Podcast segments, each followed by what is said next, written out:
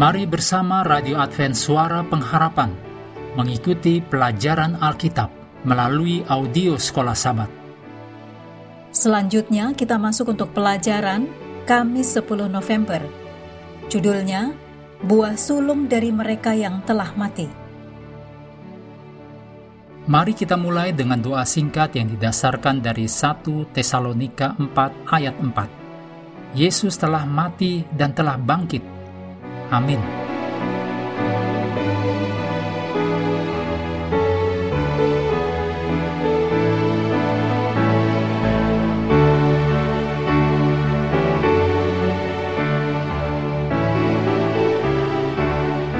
Dalam terang ulangan pasal 26 ayat 1 sampai 11 tentang mempersembahkan hasil pertama, Paulus dalam 1 Korintus 15 ayat 20 merujuk kepada Kristus yang bangkit sebagai buah sulung dari mereka yang sudah mati.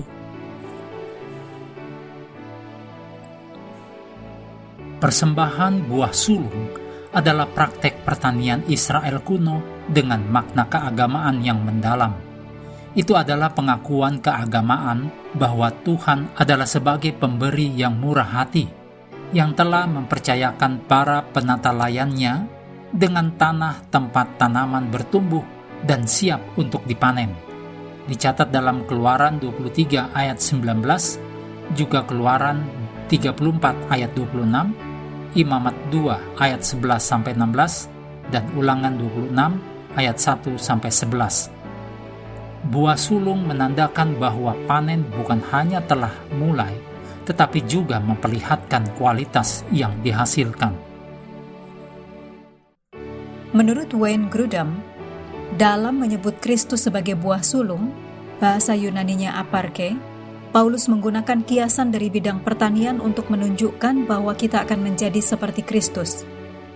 Seperti buah sulung atau rasa pertama dari hasil tanaman yang matang, menunjukkan seperti apa seluruh hasil panen untuk tanaman itu.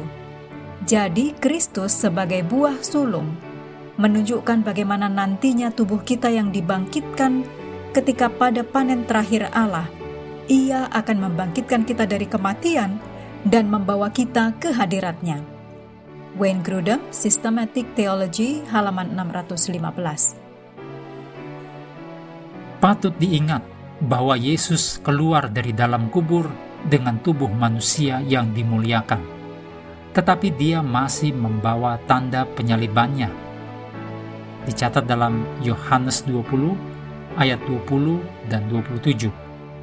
Apakah ini berarti bahwa anak-anak Allah yang telah bangkit juga akan membawa tanda-tanda fisik dari penderitaan mereka sendiri?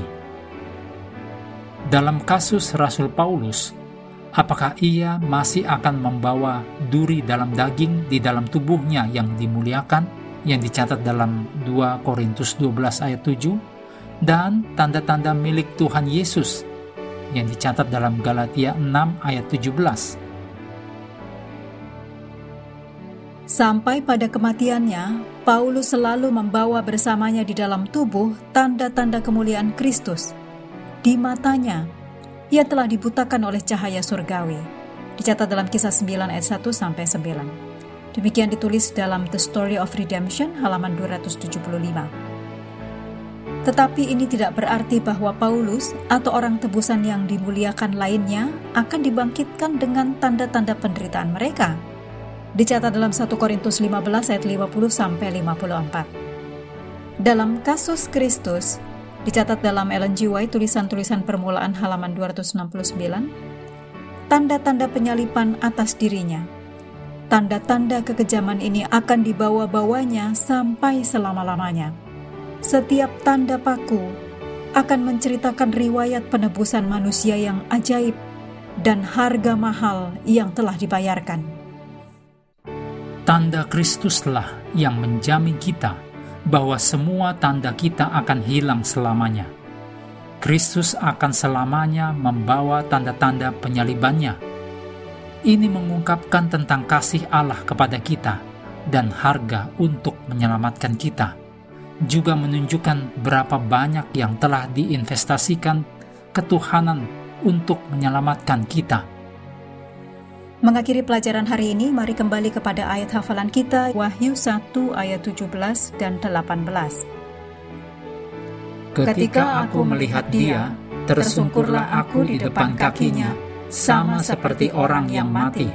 Tetapi ia meletakkan tangan kanannya di atasku, lalu berkata, Jangan takut, aku adalah yang awal dan yang akhir, dan yang hidup. Aku telah mati, namun lihatlah, aku hidup sampai selama-lamanya, dan aku memegang segala kunci maut dan kerajaan maut. Hendaklah kita terus tekun mengambil waktu bersekutu dengan Tuhan setiap hari, bersama dengan seluruh anggota keluarga, baik melalui renungan harian, pelajaran sekolah sahabat, juga bacaan Alkitab sedunia percayalah kepada nabi-nabinya, yang untuk hari ini melanjutkan dari 1 Raja-Raja pasal 10. Tuhan memberkati kita semua.